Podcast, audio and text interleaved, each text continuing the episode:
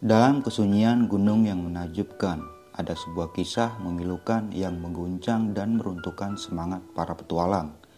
Seorang pendaki yang terjebak dalam misteri yang mencekam, menghilang tanpa jejak di tengah-tengah puncak yang menantang. 32 tahun berlalu kejadian itu masih membekas bagi Nocha dari kisah yang dialami oleh ayahnya bersama tujuh rekan pendakiannya ke Gunung Raung. Penasaran dengan kelanjutan kisahnya seperti apa? Duduk manis, siapkan cemilan, dan selamat mendengarkan.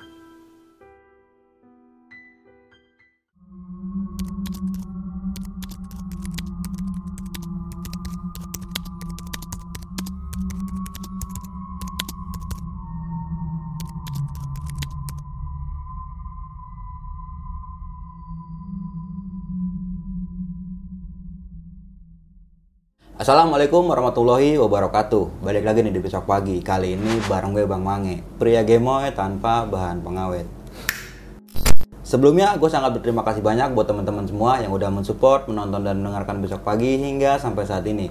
Semoga teman-teman semua yang menonton selalu diberikan kesehatan oleh Tuhan yang Maha Esa nih. Pada momen kali ini gue masih berada di daerah Surabaya nih untuk melanjutkan broadcast yang berada di timur Indonesia nih. Dan pada segmen kali ini juga gue udah mengadakan narasumber yang mempunyai cerita mistis gokil banget sini yang pastinya dalam dunia pendakian nih. Oke, langsung aja di gue sapa narasumber gue pada malam kali ini. Selamat malam Mas Noca. Selamat malam. Apa kabar nih Mas? Alhamdulillah baik. Baik. Sehat-sehat. Waduh, Ya. Sibukan lagi apa sekarang Mas? Ya, kerja aja sih. Oh kerja aja dan thank you buat ini tadi uh, baru pulang kerja banget ya. Iya, iya. Oh, thank you Langsung. Udah mau hadir yang mau berbagi pengalaman pendakian dulu bokap ya Mas ya. Iya, kebetulan Bapak. di tahun Tahun 1991.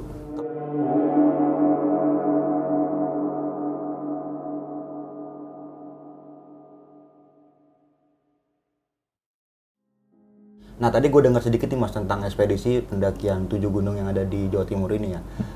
Itu kan dari berjumlah awalnya 30 orang, Iya. nah. sisa Tinggal 27, 27 orang. karena yang tiga eh, sampai saat ini hilang dan tidak ditemukan.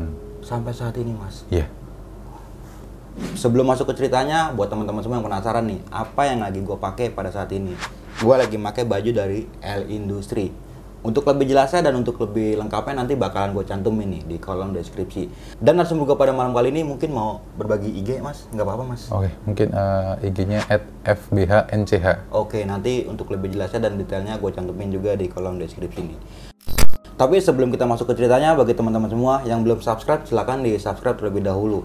Like, comment, and share. Jangan lupa kalian nyalakan loncengnya agar teman-teman semua nggak ketinggalan video terbaru dari besok pagi. Dan bagi teman-teman semua yang mempunyai cerita mistis pendakian dan pengen berbagi pengalaman kalian di sini, kalian bisa langsung aja DM ke Instagram besok pagi yang ada di sini nih. Jangan lupa di follow Instagramnya juga. Mau nggak mau, suka nggak suka, bahwa hal gaib itu ada di sekitar kita. Tanpa berlama-lama lagi, langsung aja kita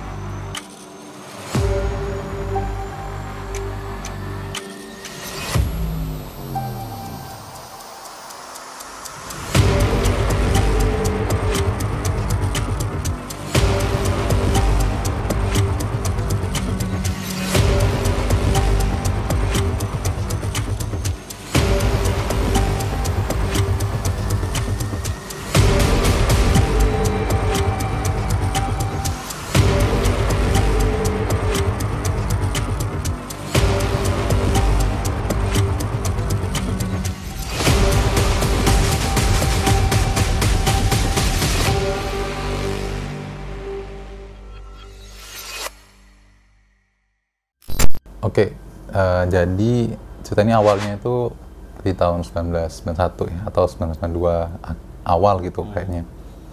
Jadi waktu itu eh, satu satu malam bapak itu didatangi sama temennya, sama kerabat lah, sama sepupu jauh gitu.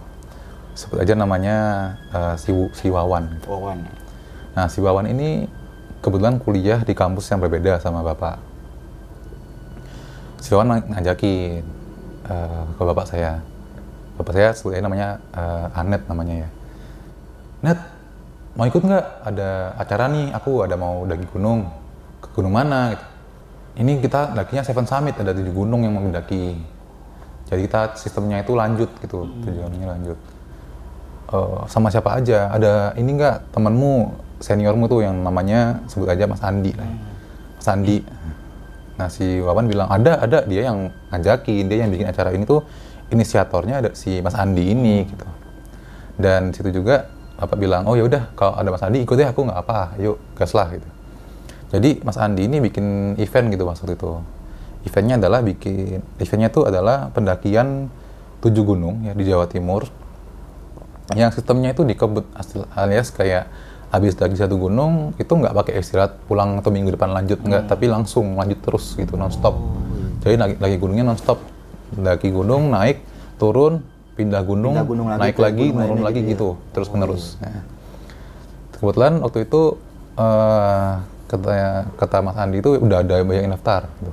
jadi bapak ikut sama si eh, sepupunya ya si Mas Wawan tadi ikutlah untuk acara itu itu tujuh gunung itu yang dipilih eh, tujuh gunung ini ada Gunung Arjuno eh sorry Gunung Welirang Gunung Arjuno Gunung Anjasmoro kemudian lanjut ke Gunung Bromo Gunung Semeru lalu eh, ke Gunung Ijen dulu baru ke Gunung Raung gitu.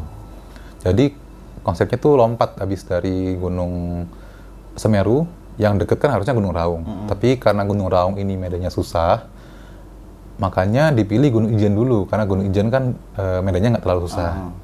Cuma waktu itu agak jauh dakinya karena agak bawah lah. Posnya masih di bawah banget dulu dulu. Sekarang kan udah di atas posnya. Habis itu baru eh, ke Gunung Raung kayak gitu konsepnya. Dan waktu itu pesertanya ada sekitar 30 orang. Nah, jadi setelah ketemu sama si Mas Wawan itu tujuh hari kemudian minggu depannya eh, mulailah berangkat gitu, berangkat dari Surabaya. Nah, kebetulan acara ini tuh diikutin sama berbagai ya, organisasi gitu. Jadi ada ada dari kampus ini, kampus itu, ma- mapalanya kampus ini, mapalah kampus itu, itu ikut join gitu. Jadi bukan cuma satu kampus saja yang sama. Karena kebetulan si Mas Wawan sama bapak saya itu pak sama saya itu eh, kampusnya juga beda gitu. Tapi si bapak saya itu emang kenal sama si eh, Mas Andi ini yang promotor acara ini karena memang rumahnya nggak jauh. Gitu. Dan sebelumnya juga udah pernah eh, ikut acara bareng gitu waktu pendakian-pendakian sebelumnya. Nah ya udah karena hari itu juga hari H itu ya kumpul perkumpulan pertama itu dikumpulkannya di itu di apa itu pos base campnya di Tretes untuk mendaki ke Gunung Melirang. Situ belum semua sih waktu itu udah ada berapa berapa orang lah banyak udah banyak orang. Nanti sebagian ada yang ketemunya nanti itu di Pet Bocor, di nyusul Iya. ketemunya di atas.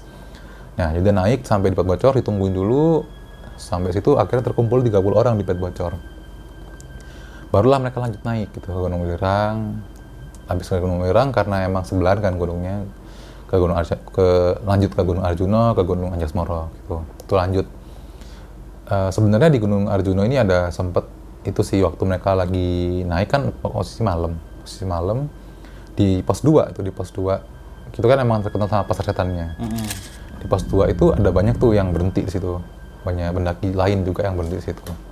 Nah bapak saya sama sama rombongan nih mau naik mau lanjut gitu. Tapi sama eh, apa ya penjaga hutan lah kayak yang di situ kan ya. Pos penjaga posnya itu bilang mas jangan lanjut dulu jangan lanjut. Udah stop di sini dulu nginep di sini sampai pagi.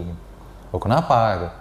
Ada pasar setan mas. Malam hari ini hari pasar setan. Jadi mending mas berdiri di sini biar nggak ketemu pasar setannya gitu.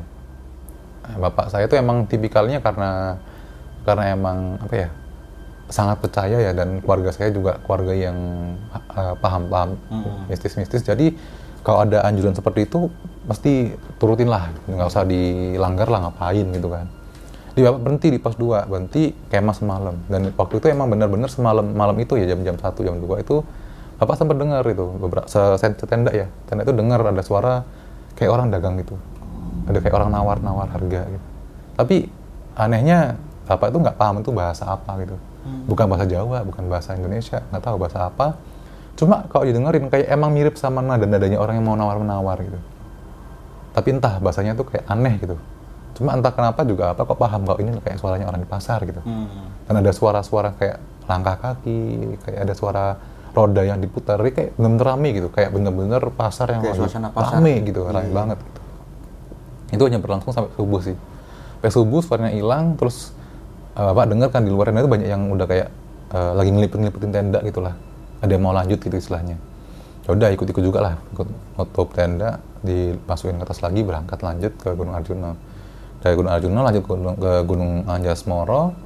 Situ abis dari Anjas-Moro itu kan eh, untuk ke Gunung Bromo agak jauh. Mereka tuh turun gunung ke daerah namanya Jurang, Jurang Kuali itu di daerah eh, Cangar lah istilahnya, istilahnya daerah Cangar antara perbatasan antara Mojokerto sama kota eh, Kabupaten Malang ke kota Batu gitu. Turun di situ naik angkutan mereka pindah pindah. Sampai saat ini jumlah rombongannya masih 30 orang masih full. Mereka pindah naik angkutan ada oper ke bis om- oper-oper gitu. Sampai ke naik ke kendaraan itu pickup yang bawa sayur gitu. Buat ke Bromo gitu. Nah ke Bromonya ini juga lewatnya lewat ke melewati jalur Wonokitri dari Malang itu nanti tembusnya eh, ke daerah aku lupa nama daerahnya tembus abisnya Nongko Jajar itu. Nanti tembusnya ke Panenjaka, Panenjaka satu. Sampai di gunung situ mereka sempat eh, naik ke atas dulu ke penanjakan lihat suasana Bromo di pagi hari kan. Terus turun ke eh, lautan pasir gitu. Lautan pasir waktu itu masih belum bisa naik motor atau kendaraan ya zaman segitu eh, jeep pun nggak boleh masuk ke lautan pasir harus jalan kaki gitu. Jadi apa waktu itu turun jalan kaki nyebrang lautan pasir gitu ya sampai bisa naik ke kawah Bromo gitu. Naik ke kawah. Nah setelah turun dari kawah itu barulah jumlah 30 ini berpecah. Karena beberapa peserta ya peserta itu pengennya eh, mau stop dulu mau santai dulu di sini mau kemah lagi lah semalam gitu. Mungkin karena capek ya kemarin habis eh, daki tiga gunung non stop kan ya. Jadi ada beberapa yang di situ stop berhenti dan mereka nggak lanjut ikut ke rombongan ini. Sedangkan rombongannya dari Bromo itu lanjut lagi gitu ke Gunung Semeru gitu kan. Nah di Gunung Semeru sama lihat Ranupane terus naik ke naik ke Ranukumbolo sampai ke puncak. Setelah waktu turun kembali ke Ranukumbolo situ kepecah lagi. Ada beberapa orang yang masih pengen eh, ngecamp di situ kemah di eh, Anukumbolo gitu. Kan emang uh, Anukumbolo itu kan bagus ya apalagi zaman dulu masih nggak sepadat sekarang gitu masih agak sepi jadi masih bagus banget. Udah akhirnya karena nggak mau lanjut ya udah kita lanjut sisanya lanjut aja lah. Dan waktu itu sekitar kalau nggak salah sekitar 14 15 orang yang masih lanjut lagi ke Gunung Ijen. Tuh. Ya udah mereka lanjut lagi. Nah turunnya dari itu turunnya ke Lumajang lewat dari Lumajang dari Gunung Semeru dan langsung nyari angkutan buat ke Gunung Ijen gitu di Gunung Ijen mereka naik eh, dari arah Bondowoso ya dari arah selatan naik ke Gunung Ijen. Sampai atas setelah selesai mendaki setelah ke kawah diskusi lagi. Karena mau mencar lagi ternyata. Waktu itu mereka pengen eh, rombongannya bapak ini pengen istirahat dulu lah mampir gitu. Tujuan mampirnya itu yang satu satu rombongan itu pengen mampir ke Taman Nasional Alas Baluran di situ Bondo di utara sedangkan bapak sama temen-temennya itu pengen eh, apa itu istirahatnya mampir ke Alas Purwo Taman Nasional Alas Purwo di Banyuwangi. Kepisah kita itu janjian lah janjian dulu. Nanti eh, kita ketemu ya dua hari lagi di eh, pos base campnya Gunung Raung dua hari lagi jadi kita nginep satu malam aja di apa tuh di Baluran ataupun di Aspurwo oke deal ya. Nanti kalau saat kita nggak nggak muncul berarti kita pulang langsung ke Surabaya. Nggak nggak lanjutin trip ini gitu. Nggak usah ditunggu. Tapi kalau saya muncul tungguin dulu gitu lah janjian. Oke ya udah. Ke- kepisah lah waktu itu. Bapak sama teman-temannya ber eh, bersebelas. Bersebelas itu ke alas baluran sedangkan yang sisanya tiga atau empat orang itu lanjutnya ke alas baluran. Sorry apa? Saya ke alas purwo. Nah di alas purwo bapak itu nginepnya di pantai di kawasan pantai ya yang namanya pantai pancur pantai pancur ini tuh pantai yang ada sumber air terdekat sumber air tawar terdekat dengan lautan di Jawa Timur. Terdekat jaraknya cuma sekitar 50 meter, 100 meter, 50 meter deket gitu. Jadi dari kalau kita duduk di pinggirnya eh, kolam pancurnya, kolam sumbernya itu laut di depan kelihatan. Oh iya, iya. Dan di situ ada ada kayak air terjun kecil lah yang lebih mirip kayak pancuran. Makanya disebut pantai ya pantai pancur. Oh, gitu. iya. Kolamnya disebut kolam pancur. Nah saat itu di kolam pancur kata bapak, bapak cerita tuh ada gubuk, situ ada satu gubuk yang ditinggal sama satu keluarga. Satu keluarga ini eh, seorang kakek sama bapak sama anaknya sama menantunya gitu lah bertiga gitu. satu gubuk itu. Bapak ngiranya pokoknya itu mungkin yang jaga di sini kayak semacam kuncen atau emang warga sini yang tinggalnya di situ. Karena emang Alas Purwo itu kan dari Banyuwangi juga jauh, dari kotanya jauh. Desa terdekat juga jauh gitu kan. Jadi emang ternyata orang itu emang mungkin di situ aja gitu lah, bertiga gitu. Nah, waktu bapak, bapak ini waktu piknik lah istilahnya ya kan belum buka tenda tuh, masih masih siang. Piknik di pinggirnya kolam pancur ini samperin gitu sama, kakak- sama kakek-kakeknya ini yang punya rumah ditawari makanan terus di, disapa "Ab- mau ke mana dari mana sebagainya ya basa basi lah gitu terus eh, salah satu temannya bapak yang perempuan waktu itu perempuan si perempuan ini eh, supaya Susi lah Susi ini nanya gitu ke yang kakek ini pak ini kolamnya boleh buat berenang tak? Gitu boleh buat berenang kah? Kenapa kok Susi bilang gitu? Soalnya di situ ada ikan-ikan gitu mas. Di dalam kolam itu kolamnya kan jernih nih. Heeh. itu ada ikan-ikan gitu. Ikan-ikannya ini entah ikan apa jenisnya. Kayaknya bukan cupang tapi mirip cupang. Ukurannya mungkin sekitar sejempol atau lebih dikit lah gitu kan nggak terlalu besar. Itu ikan warna ikannya warna-warni tapi anehnya kalau ikan-ikan yang di alam liar biasanya kan takut sama manusia. Mereka kita jangankan nyentuh nyemplung aja mereka udah menjauh gitu kan. Tapi ikan-ikan ini anehnya malah deketin kita malah deketin ke manusia gitu. nggak takut malah kayak jinak kayak ikan jinak gitu. Nah si apa itu namanya? Si yang si Susi tadi nanya ke orang itu supaya tanya nanya boleh nggak kita nyemplung boleh nggak main ikan sama ikan ini karena ikan ikannya kayak bisa diajak main gitu loh. Ah, Hanya si bapak ini bilang, oh nggak apa kok, kalau mau berenang boleh nyemplung silakan. Tapi tolong itu ya anak ya, ikan-ikannya jangan diganggu, jangan diganggu.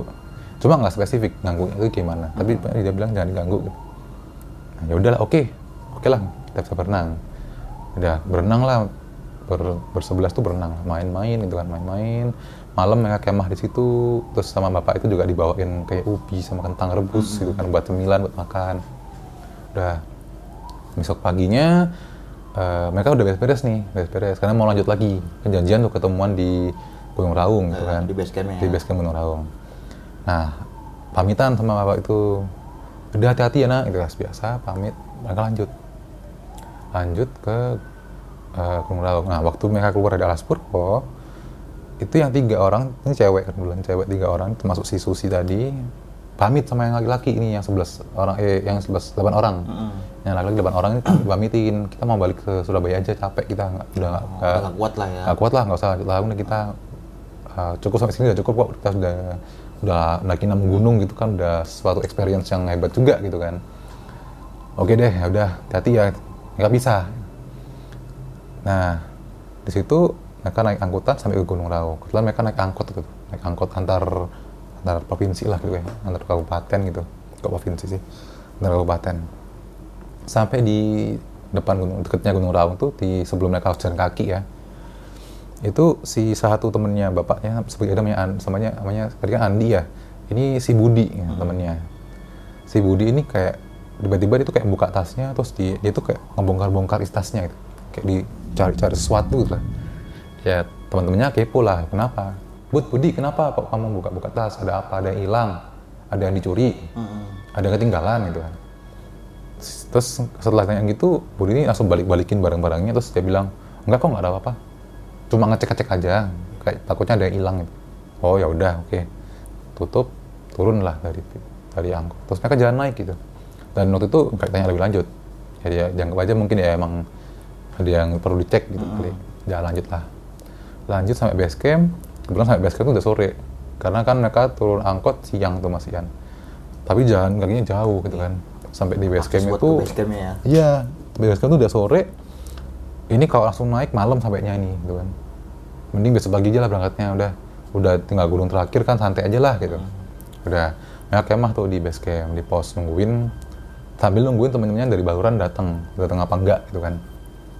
Tunggu sampai pagi, ternyata nggak datang-datang juga gitu. Jadi setelah nginep pagi lihat ah belum datang. Ya udahlah, berarti ng- nggak lanjut mungkin kita lanjut aja lah sendiri baru sebelum delapan gitu. Udah mereka eh, lapor ya lapor ke pos ke pos Raung ke lanjut naik gitu.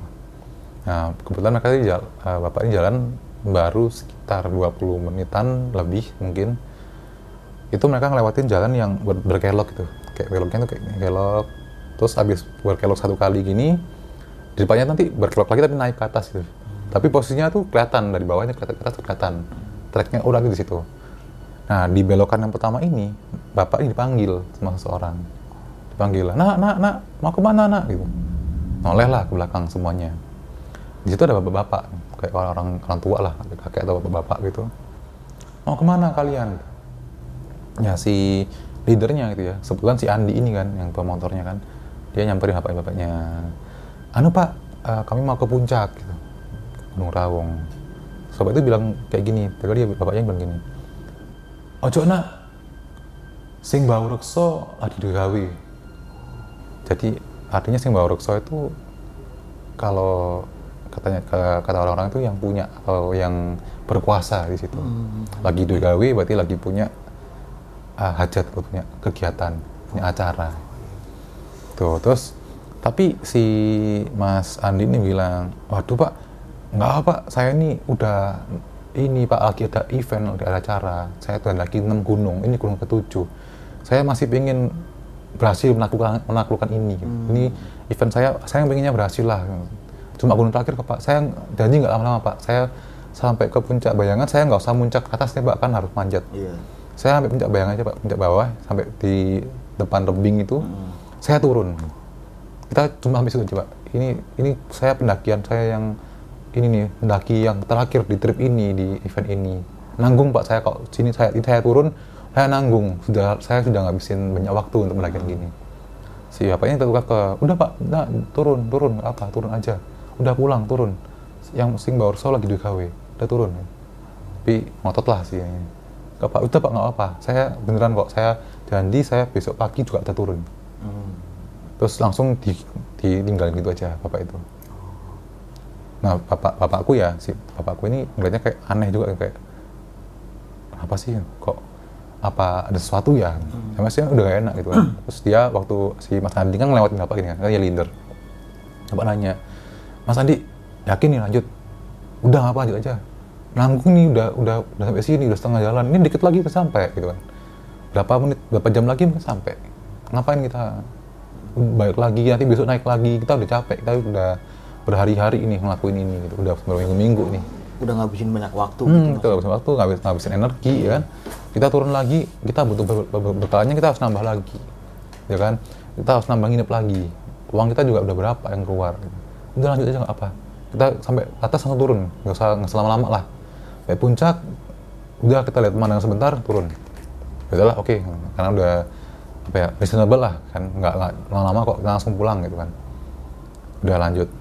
Lanjut mereka tadi kan ngeliatin kelok kelok tadi kan. Terus mereka ngeliatin atasnya tadi. Di situ waktu ngeliat atas ini kan harusnya kelihatan tuh ke bawah. Sampai jauh sampai bawah tuh kelihatan. Dan waktu itu kebetulan kata bapak itu masih daerah yang eh, belum hutan. Oh, masih agak kelihatan gitu. iya Mas. masih kayak padang-padang rumput gitu. Jadi masih kelihatan bawahnya kelihatan jelas semua kelihatan. Situ bapak noleh.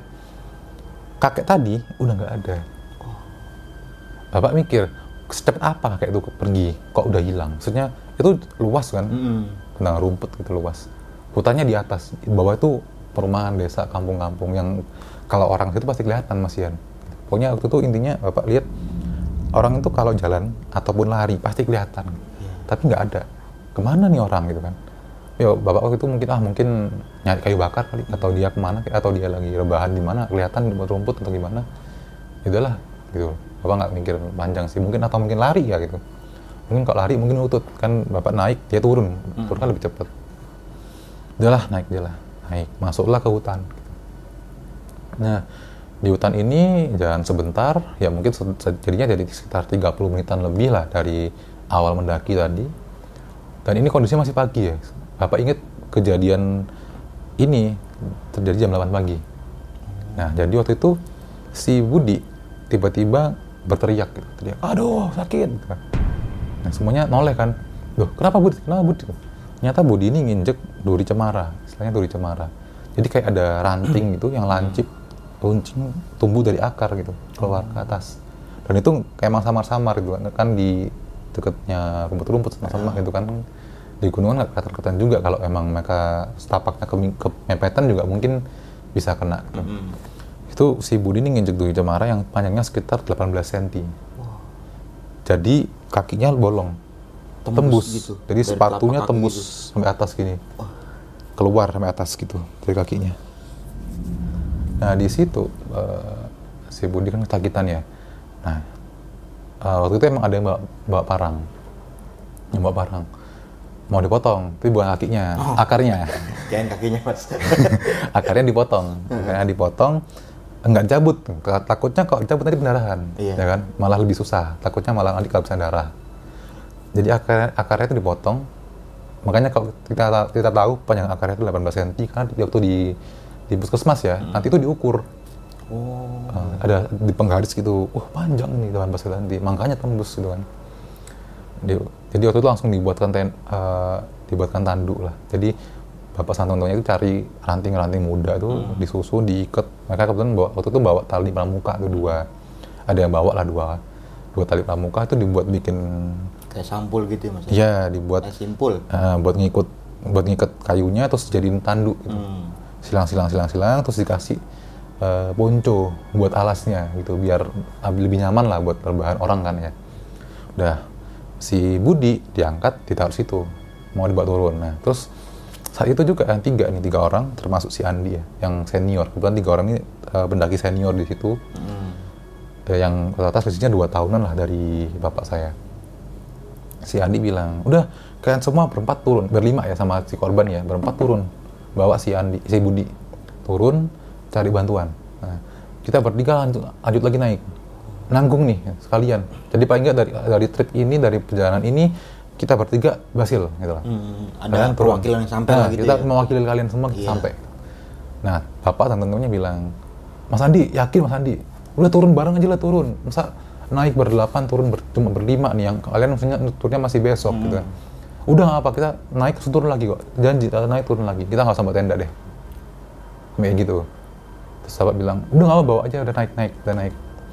Tapi bener ya besok pulang ya besok pulang ya besok turun ya saya, saya tunggu di bawah. Hmm. ya kita langsung turun kok. Ya udah bisa lah di situ. Bisa lima, lima orang ya termasuk korban kan berempat. Bapak bapak ikut nanduk tuh berempat nanduk sampai bawah. Si Andi dan dua orang yang senior ini naik lanjut naik. Di tengah lagi nandu ini tiba-tiba si Budi itu nangis. Dia nangis kan sakitan terus dia bilang aduh ini nih kayaknya aku ini kualat ini ya. Ya ampun. Loh kuat apa kamu di? Kamu but tadi tuh aku ngambil ikan. Ikan di kolam tadi tuh. Ikan di kolam pancur tuh. Aku ngambil ikannya satu.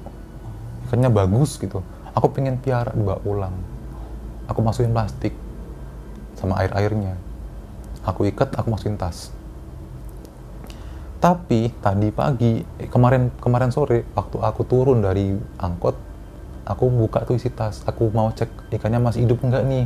Kan ditaruh dalam kolak dalam di dalam plastik dalam tas gitu kan. Takutnya kegencet gitu kan. Nah aku cek ikannya hilang. Plastiknya ada airnya ada ikannya hilang. Nggak logis. Hmm. mana mungkin ikan yang di dalam plastik bisa keluar begitu aja tanpa melubangi kan? Itu plastiknya utuh nggak lubang dan itu ya udah Andi eh Andi sorry Budi si Budi ini panik gitu kan waktu itu. Jadi dia mikir aduh aduh waduh kayaknya aku ngelakuin hal yang salah ini. Kan kemarin soalnya si penjaga yang di gubuk itu kan bilang kalau jangan usik jangan ganggu ini ikannya jangan diganggu. Iya. tapi dia malah bawa pulang kan apalagi lebih mengganggu lagi menculik nih. Hmm. mengganggu lagi gitu kan. Dan ikan itu tiba-tiba hilang. Berarti ini ikan bukan ikan sembarangan gitu kan. Makanya dia tuh "Aduh, kayaknya aku nih kualat nih sampai luka kakiku nginjek ini kayaknya aku kualat gitu terus si bapak bapak, bapak nontonnya bilang lah udah Budi kamu nggak usah bikin aneh dulu dah kita turun dulu. Yang penting kamu selamat kita semua sampai bawah aman lah gitu. Jadi kamu bisa kita bawa ke puskesmas atau rumah sakit terdekat lah gitu. Sampailah di pos gitu. di pos eh, yang jaga di pos itu langsung keluar kan eh mas ada mas? Ada yang terluka nih?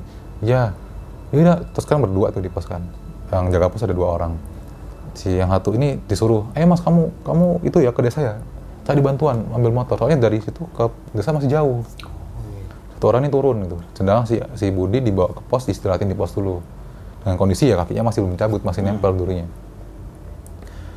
Lama itu ya dari itu kan kakinya pagi ya anggaplah siang sampai pos. Itu motor baru datang hampir maghrib. Udah sore banget.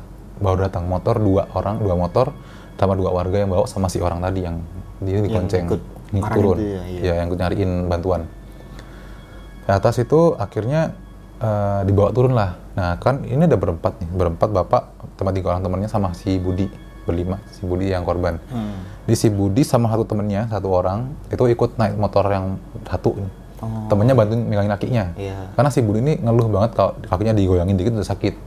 Dibantuin megang gitu. Jadi gonceng tiga lah. Yang yang satu orang lagi ikut di motor satunya. Jadi temen bapak turun dua orang sama si Andi bertiga buat nemenin Andi. Berarti di pos tinggal berdua ya? nah tinggal bapak sama si Wawan. Oh iya. tem- yang sepupunya apa itu Ah. ikut nungguin si Andi sama teman-teman yang lain. Yang dua orang masih naik kan. Nah saat itu anehnya emang ada, ada an- keanehan ya. Tadi aku lupa bilang waktu bapak turun sampai di pos pertama kali Andi dibawa masuk ke pos. Satu orang temennya temannya si pos penjaga turun. Tiba-tiba turun kabut dari atas dari atas gunung tuh tiba-tiba turun kabut. Kabutnya tuh langsung pekat gitu kabut yang tebel banget. Bapak tuh waktu itu berdiri di luar kan. Sampai si Wawan tuh manggil bapak net net kamu ayo masuk. Berkabut nih ayo masuk masuk nanti kamu hilang. Karena kabutnya tebal banget.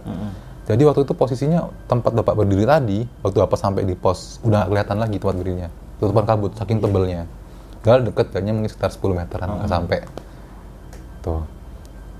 Dan maghrib tuh mulai reda dikit tapi masih ada kabutnya jadi dua orang turun nemenin si Budi bapak masih itu sama Mawan nungguin semalam. Nah kemah eh, nginep di eh, pos gitu. Nggak buka tenda nginep di dalam pos. Berdua sama ditemenin sama dua penjaga itu. Nah satu malam pertama besok pagi tungguin kan. Belum datang pagi ini belum datang. Ditunggu sampai sore belum datang juga. Terus si penjaga pos bilang udah mas tenang dulu mas. Siapa tahu temannya mas nginep di atas kemah mungkin kemah. Jadi harusnya hari ini sampai karena kemah mungkin kecapean mas kemah mungkin besok pagi nyampe nya nah besok pagi kalau belum datang saya panggilin tim sar. Gitu. Ya udah ya udah mas apa mas. Ya udah mengangin satu, satu lagi satu malam lagi memang nginep di pos itu Sebelum lanjut ke cerita, untuk kalian yang ingin menjadi narasumber di besok pagi dan mempunyai cerita horor dalam pendakian, kalian bisa kirim cerita kalian ke Instagram official besokpagi.idv atau melalui email besokpagi.ch@gmail.com. malam kedua bapak itu waktu lagi malam-malam tiba-tiba dengar ada manggil. Net net net tuh. Kenapa bapak saya kan bagian anet bapak langsung berdiri tuh waktu itu. Kan lagi duduk-duduk. Temennya udah tidur. Yang jaga pos juga udah tidur. Berdiri dan dia langsung bapak langsung lihat ke jendela. Malam-malam nih kondisinya masih berkabut. Tapi waktu itu bapak waktu buka lihat ke jendela itu kabutnya udah hilang. Waktu bapak lihat jendela itu jarak sekitar 10-20 meter dari tempat bapak berdiri di dalam pos itu ada si Andi. Berdiri gitu manggil net net saat itu juga bapak langsung bangunin si eh, Wawan. Wawan. Wawan Wawan bangun Wawan. Andi turun Andi turun gitu kan. Waktu itu anehnya si yang jaga pos dua orang belum bangun. Wawan doang bangun. Wawan bangun beneran mana mana mana? gitu kan. Berdiri lihat ke jendela. Wawan bilang mana nggak ada gitu kan. Loh itu loh ada. Bapak noleh ke arah Andi tadi nggak ada. Dan saat itu kabutnya tebel lagi udah terus Wawan nih bilang waduh jangan-jangan ini pertanda net gitu. Gitu. Bapak langsung udahlah waktu itu udah campur aduk lah. Jangan-jangan temannya nggak bisa pulang gitu kan. Atau ada apa-apa ini? Besok paginya seperti janji ya, si pos ini penjaganya satu orang turun manggilin tim sar. Waktu itu siang baru datang itu pun belum banyak yang datang cuma beberapa orang enam tujuh orang gitu yang datang kalau nggak salah. Langsung melakukan pencarian. Malam hari itu juga pencarian dan hari itu juga nggak dapet apa-apa gitu nggak ada nggak nemuin apa pun nggak ketemu seorang pun. Nggak ada yang daki juga beberapa hari ini selain rombongannya si bapak sama si Andi tadi nih yang naik. Nggak ada lagi setelah itu beberapa hari. Ya udah hari pertama nggak ketemu nih. Turunlah bapak waktu itu masih ikut hari pertama itu. Nginep lagi di pos. Besoknya kabar soal Andi ini hilang dan dua orang lainnya hilang. Itu udah dengar sampai Surabaya jadi ada beberapa teman-teman yang sebelumnya udah protol ini udah udah pulang duluan di eh, pendakian tujuh gunung ini. Ada yang datang nyusul buat cari, bantu cari Iya, iya. balik ke situ. Apa di situ? Akhirnya dibilang udah kamu turun deh. Kamu pulang deh gitu. Iya pak masih mau di situ besok. Jadi besoknya hari ketiga itu setelah dipaksa-paksa baru bapak turun. Bapak turun tuh pun juga turunnya ke puskesmas jenguk sama jenguk si Andi tadi. Budi eh, si Budi sorry si Budi yang luka tadi kan setelah si bapak tahu kalau si Budi ini eh, apa tuh durinya 18 cm dan sebagainya karena cerita situ. Nah setelah itu bapak pulang berdua doang sama si Wawan. Di hari besoknya hari semalam nginep di sakit. Ya, tadi di hari keempat bapak baru pulang Surabaya. Dan itu eh, apa namanya pencarian masih dilakuin. Seminggu dua minggu nggak ada kabar nggak ada bisa nggak ada ketemu gitu nggak ketemu dan sampai saat ini. Andi dan teman-temannya ini juga belum ditemukan bertiga. Beberapa waktu yang lalu sih bapak sempat ketemu sama ibunya si Andi. Mm. dan masih inget lah ibunya tuh bilang iya teman si Andi ini sampai sekarang ke mana ya? Kok nggak pulang-pulang? Kok nggak bisa pulang? Gitu. Sampai saat ini ya nggak pernah temukan jasadnya pun nggak ada nggak ditemukan. Tanda-tanda tercecer apa sampah gitu apa Nggak ada. Ba- baju-bajunya gitu nggak ada hilang. Hilang. Nggak ada tas yang tertinggal di mana pun atau pakaian atau jaket atau apa nggak ada. Bahkan waktu itu sempat dicari tuh eh, kuncinya Gunung Raung Hmm. gitu. Jadi bapak bapak itu menduga menduga orang yang ngingetin eh, rombongan ini ya. Iya. waktu di pendakian itu itu ya? mm, itu adalah si kuncen. Tapi selama pen- pencarian ya pencarian kuncinya Gunung Raung ini emang agak unik ya kuncinya ini tinggalnya bukan di desanya tapi di tengah-tengah Gunung Raung. Ada gubuk gitu Nah, jadi sewaktu pen- selama tim SAR mencari ya ini dapat ceritanya dari teman-teman bapak yang nyusul tadi yang dari Surabaya udah balik nyusul lagi buat bantu pencarian. Itu cerita tim SAR ini berkali-kali beberapa hari itu datengin si rumah si kuncen ini. Sampai seminggu bahkan ada yang sampai nginep di situ nungguin. Tapi si kuncen ini nggak pernah ketemu nggak pernah hadir gitu. Mm-mm. nggak bisa kayak nggak bisa ditemuin gitu. Nah, jadi nggak bisa minta tolong ke kuncennya akhirnya. Jadi an- jadi emang katanya si kuncen ini kalau emang dia mau ada masalah apa dia bakal muncul-muncul sendiri. Nanti kalau apa tuh dia eh, kalau dia nggak mau ditemuin dia nggak bakal ketemu ketemu nggak tahu. Kan nggak mungkin juga dia nggak pulang ke gubuknya berhari-hari gitu kan. Iya, iya. dan jadi kayak mungkin emang nggak mau atau emang kuncinya nggak mau bantu atau mungkin nggak tahu juga. Mungkin juga dia lagi membantu di alam lain juga nggak ngerti kan. Kita nggak tahu tapi nggak pernah bisa ditemuin si kuncinya. Selama pencarian itu berlangsung. Sampai berminggu-minggu tuh kuncinya nggak pernah ketemu. Jadi nggak ada yang bisa tanya nih kuncinya ini ada gimana? Gimana gimana nya kayak gitu. Itu memang ya saat ini ya, itu masih jadi misteri gitu. Keberadaan dari ketiga orang temannya bapak ini termasuk si Andi ini yang teman lumayan deket ya karena rumahnya itu juga jaraknya deket sama bapak rumahnya itu Oh, Andi ini cara- senior itu ya? Iya senior, Ketua, senior, ya? iya ketua acara ini dan dia eh, senior 2 tahun nih bapak gitu. Tapi beda kampus ya, cuma teman deket juga lah karena rumahnya juga deket gitu. Hmm.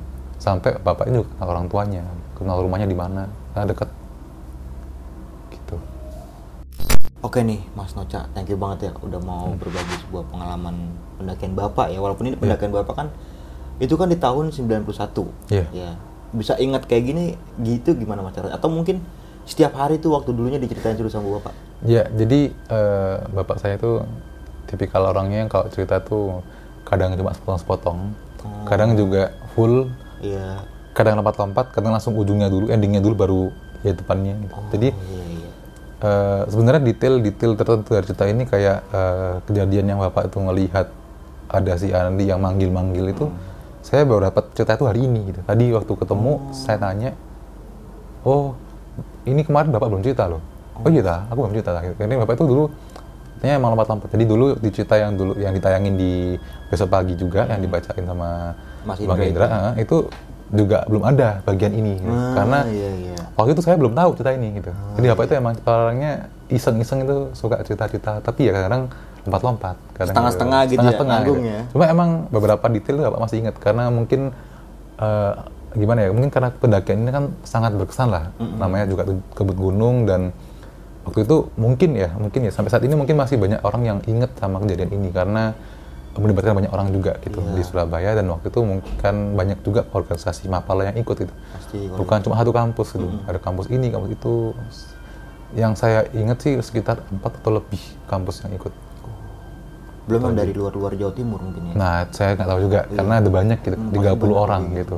Jadi mungkin ada yang mungkin ya kayak jadi sekarang jadi orang tuanya, Hmm. jadi kerabatnya gitu. Mungkin adalah orang-orang yang ikut di situ gitu, yang ikut acara ini Yang gitu. ikut ek- ekspedisi kebut gunung itu ya Iya, seperti ya? Kebut tujuh Gunung. gunung dalam itu total waktu dari awal perjalanan itu mas sampai ke Gunung Gunung Raung ya? itu terakhir itu kira-kira masih ingat nggak mas berapa? Kalau kata Bapak sih gitu? kalau detailnya pastinya tuh nggak ingat. Cuma katanya Bapak itu sekitar 2 sampai 3 minggu.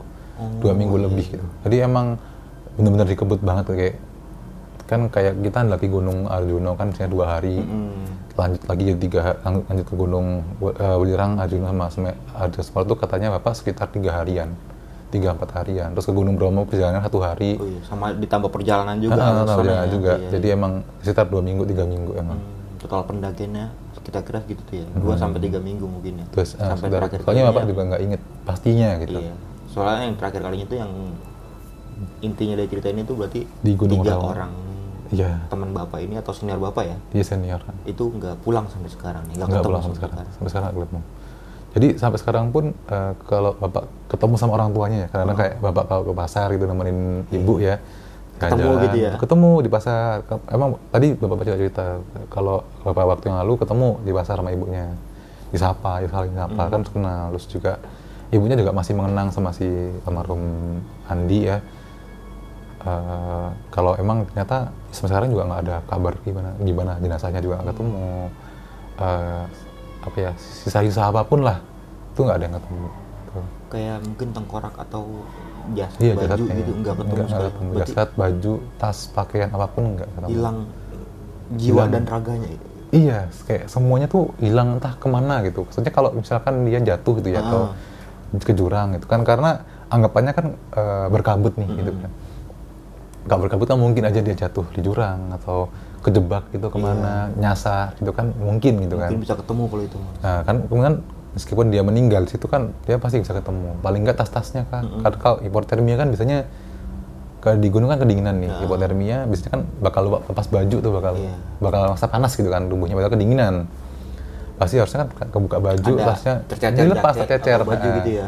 kan. Itu Tapi itu nggak ketemu.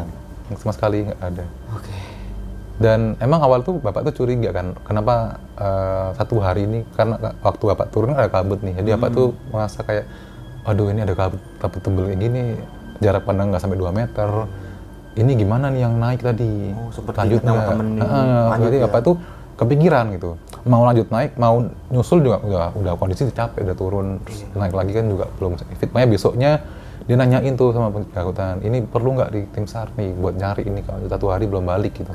Tim SAR bilang, "Oh, mungkin masih nginep mas, kemarin kan ada ada Hmm. kabut tebel gitu. Mungkin kemarin lihat kabut, mereka berhenti semua istirahat dulu, nggak mungkin lanjut lah, masa kalau lanjut kan berbahaya banget Iya. mas, takutnya kan karena Gunung Raung kan banyak banyak batu-batu besar, banyak takutnya kalau Jurang, tebing gitu. kabut kayak gitu selesok aja Hmm, yang soalnya takutnya begitu. Iya. Dan bertiga ini kan pendaki senior, ya normalnya eh, secara logika ya iya udah pasti paham pasti ya. paham lah gitu, pasti, paham medan pasti dan cuaca eh, juga gitu Kalau cuaca seperti ini harusnya berhenti, harus Iya. pasti paham, pasti harus nungguin lah gitu, nggak boleh lanjut dulu. kalau untuk ekspedisi paling kayak gitu kan otomatis persiapannya juga paling ini Mm-mm, maksudnya kayak betul. obat-obatan juga mungkin ya Iya, karena kan bawa mereka juga bawa parang buat Iya, iya. eh, apa tuh safety dan ke- Buat jaga-jaga ya. buat jaga-jaga. Karena kadang-kadang kan kayak harus nerabas semak-semak atau gimana kan perlu parang gitu kan buat motong-motong jalannya gitu. pasti kalau ada yang bos pasti bisa kena juga kan pakai parang gitu Hmm, betul, betul. Makanya eh, sudah lengkap itu persiapannya lengkap. nah berarti kan bapak ini kan ingetnya cuma kayak waktu-waktu atau momen-momen tertentu aja ya kayak Hmm. misalkan tadi awal kejadian itu jam 8 ah, Mas Hmm. Budi ini Ah, ah, Budi kena itu ya. oh iya iya benar Mesti diingat detail karena emang eh, ya spesifik gitu kan. Iya, itu Ada yang hal-hal kejadian yang, apa sih yang percikan-percikan kejadian mungkin ya, iya awal kejadian itu itu, masih kan. ingat jelas sama gitu. sempat yang ketemu mungkin kuncen mas itu mas Yang Iya ada di jalan ada kemungkinan untuk kuncen karena eh, pertama kan tadi kan tiba-tiba kok hilang. Mm-mm. Terus munculnya juga kok bisa tiba-tiba muncul gitu kan dan ngapain juga ada warga yang naik ke da- da- mendaki ke Gunung Raung itu kan nggak mungkin juga Hmm. ya kan ngapain kecuali kalau cari, cari kayu bakar juga nggak mungkin terlalu jauh terlalu gitu. jauh kayak gitu ya dan itu kan posisinya bapak dan teman-teman kan lagi di padang savana kayak padang rumput gitu kan iya, iya, iya. lagi Udah mau setengah jalan ah, udah naik ke atas gitu kan depan tuh masih uh, hutan lagi gitu kan Hmm. di bawah juga masih ada perkamp- ada hutan dan arah perkampungan kan kayak kebun-kebun warga Hmm. gitu kan di bawah kenapa nggak nyari di situ kan nggak mungkin naik naik terlalu jauh Iya. juga kan ngapain sampai ngejar bapak ke atas gitu kan nggak jadi kayak apa yang ngejar dan ah, ah, ngingetin. gitu ya? Ah, ngingetin. apa tadi mas? Eh, sing Bawarso lagi duwe gawe Sing Bawarso lagi duwe gawe ya. gitu. Jadi kan maksudnya dia emang ada keperluan untuk mengingatkan hal itu gitu loh Ah, ya makanya bapak oh, juga itu bisa masuk akal nggak mas sama setelah kejadian kuncen yang dicari-cari nggak ada mungkin? Mungkin. Nah, jadi aku ini spekulasiku sendiri Ah. ya. Spekulasiku ada dua antara si Kuncen ini nggak mau tahu karena dia sudah berusaha mengingatkan, Ah. tapi masih tetap lanjut. Iya. Jadi si Kuncen ini nggak mau tahu, nggak mau urusan karena emang udah kesalahan sendiri, ya kan? Atau kuncinya masih berusaha dan egoisasi gitu, Hmm. ya kan? Kita nggak tahu yang benar yang mana ya. Eh, karena selama seminggu lebih itu ditungguin, dicariin setiap hari, didatengin eh, gubuknya di tengah-tengah hutan itu nggak pernah ketemu orangnya nggak pernah ketemu gitu itu kejadian di tahun 91 ya. 91 Nah, mas 91 udah ada belum belum direncanakan eh, bahkan belum saya. direncanakan malah ya iya saya lahir berarti ini 96. kan ini cerita waktu bapak masih kuliah Masih ya? kuliah, betul. belum berumah tangga mungkin belum belum si kuliah waktu itu kalau nggak salah semester eh, semester empat- semester 4 kayaknya Oh, eh, semester 4 atau eh semester 6 tu- atau 7 atau 8 gitu loh. Pokoknya dia udah semester gede kok. Karena Bapak itu ingat banget setelah dia na- mendaki gunung itu beberapa bulan kemudian Bapak KKN. Jadi udah semester semester akhir lah. Hmm. Karena habis itu KKN kan. Sebelum eh, skrip- skripsi gitu kan. Dulu. Nah, gitu. sama uh, cerita dari yang benar uh, sahabat teman bapak yang namanya Budi nih mas. Hmm. Dia cerita tentang ikan yang diambil. Hmm. Dia merasa mungkin ini kualat gitu apa gimana gitu. Iya, jadi dia tuh ngerasa eh, ya ngerasa bersalah lah karena Iya. kan dia awalnya niat ya buat dipelihara aja. Kan Hmm. dia merasa itu bukan hal yang mengganggu ikan ini karena dia saya hanya mau merawatnya di rumah mau dibawa pulang. Tapi mungkin menurut ikannya mungkin dia mengganggu Iya. kan karena emang diatur jangan diganggu dan eh, si Budi ini kan juga ngerasa kayak nggak izin sama si yang digubuk itu buat Ah. bawa pulang. Dia diem-diem bawa itu dipastikin sendiri gitu kan. Jadi ada rasa bersalah gitu kan. iya, Jadi dia ngerasa kayak ya Ya, ah, mungkin ini kali aku gitu kuat ya. kali ya. Iya. Kok tiba-tiba aku tersuduri gitu kan. Kayak padahal selama ini saya dia naiki gunung aman-aman aja, nggak ngelakuin kesalahan apa pun Berarti gitu Budi kan. ini sebelumnya udah sering melakukan pendakian juga ya mas? Kan eh, nggak tahu maksudnya sebelum itu kan mereka udah daki enam gunung lainnya gitu Hmm, dan nggak ada apa-apa gitu, aman-aman aja. Kok di Gunung Raung ini tiba-tiba saya ketusuk duri gitu. Hmm. Yang random banget tiba-tiba ada duri yang eh, duri cemara yang tumbuh di depannya dan dia nginjek gitu loh. Oke, dan itu tembus berarti dari, dari Tembus sepatunya. Mas? tembus. Jadi sepatunya bolong gitu. Tajam banget. Nah, mungkin juga makanya mungkin emang ada kemungkinan juga emang itu bentuk kualatnya gitu. Tapi eh, di sisi lain eh, kualatnya si Budi ini justru menyelamatkan lima orang empat orang temennya. Iya.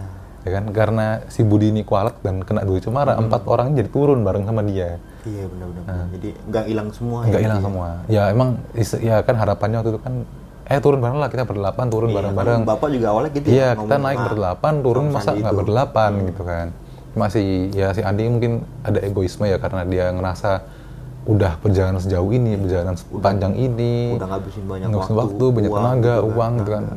Masa nggak gagal gitu loh. Mungkin saya masa itu. Padahal sebenarnya kalau dia mau bersabar ya dia sudah mengeluarkan sebanyak itu, dia bisa turun sebentar untuk bersabar sedikit aja. Dia Hmm. mungkin mendaki aman gitu karena pencarian kan dilakukan juga aman semua, nggak ada yang mengalami hal aneh gitu.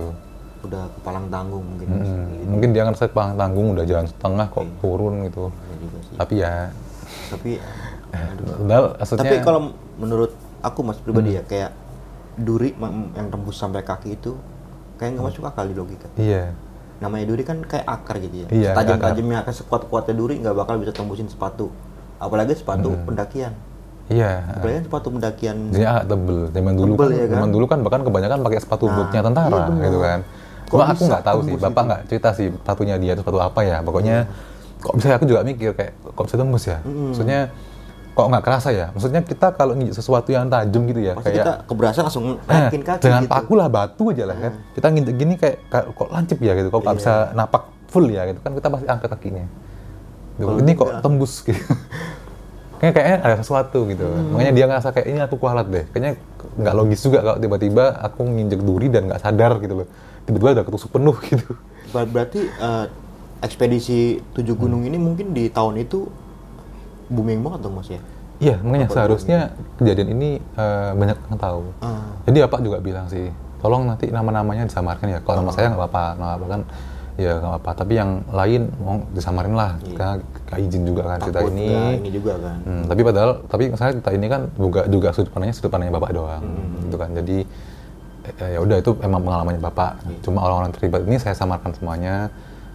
Takutnya emang orangnya nggak berkenan untuk ceritakan namanya. gitu. Atau mungkin kalau eh, mungkin ada yang nonton ya, Iya. eh. atau terjun di ekspedisi itu juga mungkin ya. Hmm, mungkin mungkin. seumuran bapak sekarang ya. Iya, kemungkinan. Dan mau berbagi cerita versinya mungkin boleh. boleh, ya kan? boleh. Kayak gitu, Ah. itu lebih baik. Bagus. Jadi kan ada ada validasi lebih lah benar, gitu. benar, gitu. Nah, validasi lebih karena emang ya seharusnya ya kalau logis-logisnya kejadian seperti itu segede itu ya hilang di gunung ya paling enggak orang-orang yang dulunya berkecimpung di dunia pencinta alam paling enggak paling tahu lah. Ya, gitu walaupun kan. pencinta alam dari Jakarta apa gimana pasti tahu kalau kayak gitu. mungkin at least paling enggak yang di Surabaya dan eh, walaupun nggak ikut acara itu ya mungkin kayak teman-temannya ada yang ikut pasti tahu atau senior seniornya pernah- tahu pernah ikut lah gitu ya. pasti pernah dengar cerita itu itu bolehlah nanti mungkin bisa di komen ya, di komentar apakah ada kak pengalamannya pernah dengar nggak cerita ini gitu Atau mungkin bisa ada menceritakan dari sudut nah, pandang lain. ada sudut pandang yang lain mungkin kan ya Halo sob, sebelum lanjut ke cerita, gue mau kasih tahu nih buat kalian semua yang suka banget sama bawang goreng. Jadi di acara Roadcast Surabaya kali ini, gue mau rekomendasi salah satu produk bawang goreng terenak sebagai teman makan kalian nih.